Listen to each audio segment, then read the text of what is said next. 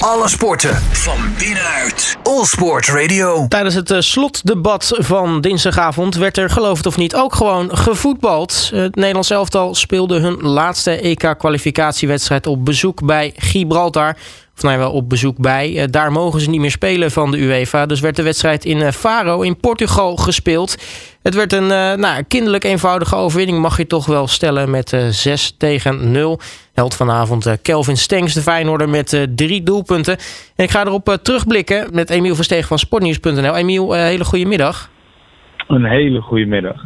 Ehm, allereerst, ja, eh, 6-0 overwinning, vrij simpel. Ehm, wel iets wat het Nederlands elftal nodig had. Want iets wat de laatste wedstrijd een beetje ontbrak tegen de mindere goden was eh, doelpunten. Ja, zeker weten. En dan is het lekker als je Gibraltar nog eh, mag, eh, daar nog tegen mag spelen. En dan is het lekker dat je er met 6-0 wint. Inderdaad, tegen Ierland had je het bijvoorbeeld moeilijk. Ehm, en dat is natuurlijk ook al door andere media heel erg belicht dat het moeilijk ging. Daar hebben we Wout Weghorst ook over gehoord natuurlijk in de media. Wat die daarvan vond, dat mensen het dan moeilijk noemden. Maar ja, als we realistisch zijn, dan was het ook gewoon moeilijk. Ehm, tegen Ierland bijvoorbeeld. En dan heb je geluk. En gewoon het, ja, het geluk en de klasse om er een mooi resultaat neer te zetten tegen Gibraltar. En dat het dan 6-0 is met niet eens je beste spelers op het veld en een paar mooie debuten voor bepaalde spelers en gewoon goede wedstrijden. Dan is dit een eh, mooi resultaat, kan je zeggen, aan het einde van deze kwalificatieperiode. Ja, sowieso heeft het, eh, het Nederlands elftal, zo lijkt het, eh, een een beetje een moeizame relatie met de pers de laatste tijd. Ja, daar lijkt het inderdaad wel op. En ik vraag me af waar dat precies aan ligt. Of dat dat nou bepaalde spanningen zijn of wat het ook is, dat durf ik allemaal niet te zeggen. Dat, eh, dat zouden we aan hun zelf moeten vragen. Maar ja, daar kunnen we niks aan doen. Het belangrijkste is natuurlijk de prestatie op het veld. En we zijn gewoon gekwalificeerd. En dat is toch het belangrijkste, lijkt mij. Nou, als we kijken naar de wedstrijd zelf. ehm, nou ja, 6-0 is natuurlijk een, een, een goed resultaat. Ehm, ja, vooraf wisten we wel dat, eh, dat eh, bondscoach Ronald Koeman natuurlijk ook. Daarom koos hij voor een 4-3-3.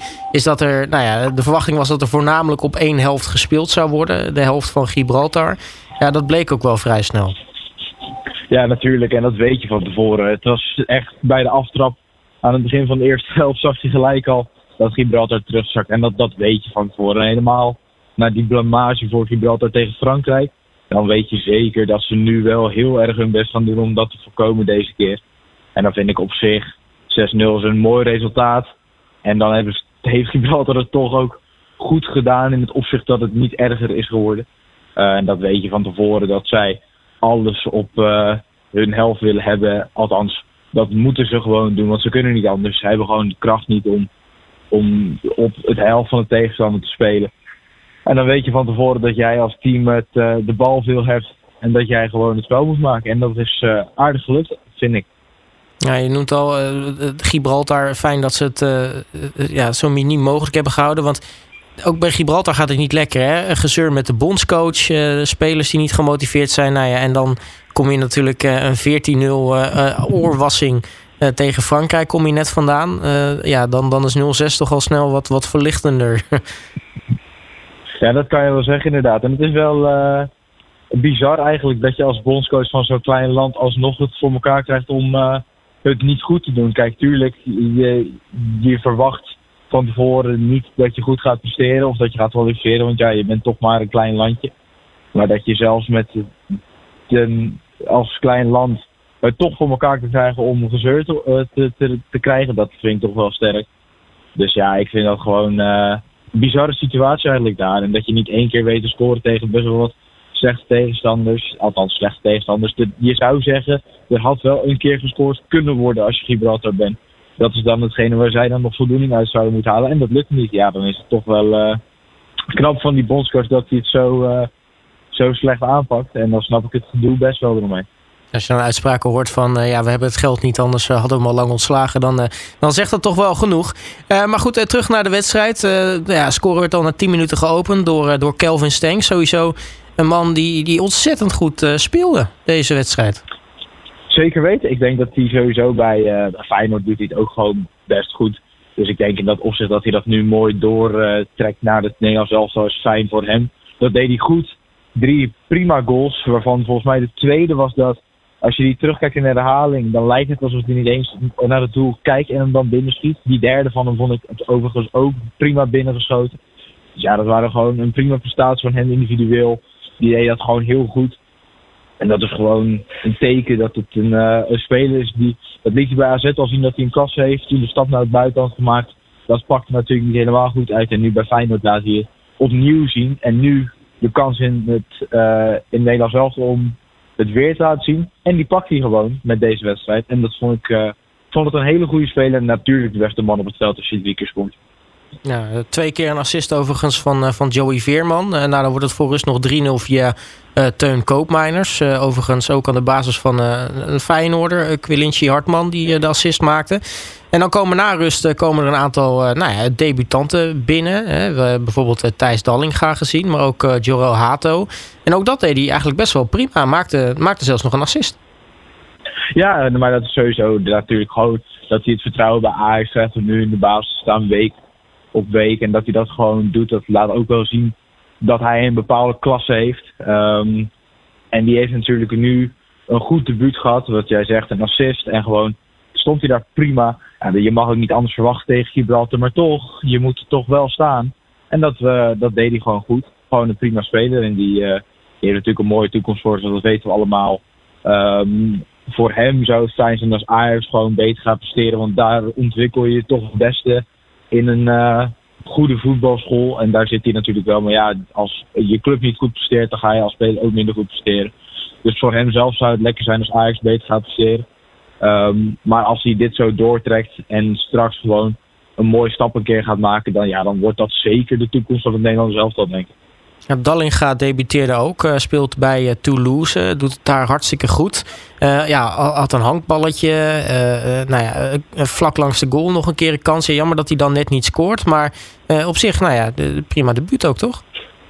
Ja, hij was, hij was dichtbij op die voorzet van Cody Gakpo, die hem vervolgens dan zelf binnenschiet. Want hij, Dallinga schandt daar de bal net niet, anders had hij hem een goaltje gehad op zijn debuut. En die had hij naar mijn mening wel verdiend. Want wat jij zegt, hij doet het bij Toulouse ontzettend goed. Vorig jaar natuurlijk de Franse beker gewonnen ook nog toen Branko van de Bomen daar zat. En die doet het gewoon week op week best prima bij Toulouse. Dus ja, dat hij uh, in ieder geval nu moet debuteren is lekker. En ik, ja, ik wil niet zeggen dat hij ook de toekomst is van het Nederlands elftal. Maar ja, je hebt wel een spitsenprobleem. En er is er eentje die week op week goed doet, een spits. En dat is toch wel Dallinga. Um, kijk, de paai die komt nu terug van zijn blessure. En die moet het bij Atletico gaan laten zien. Nou ja, ik weet niet of ze bij Atletico nog plek hebben voor hem. Want ja, daar wordt gewoon heel goed gespeeld met de spelers die zij nu hebben. Dus ja, ik moet eerlijk zeggen dat als Danninga zo door blijft gaan bij Toulouse, dat daar zeker ook wel een beetje toekomst in zit. In ieder geval tijdelijk. Um, en misschien is hij wel een goede optie als hij zich zo uh, blijft ontplooien zoals hij dat nu doet. Nou, de EK-kwalificatiereeks zit erop. Uh, Nederland weet uh, naar Ierland in ieder geval dat het uh, toen geplaatst was voor het, voor het EK. Um, ja, dat is natuurlijk komende zomer.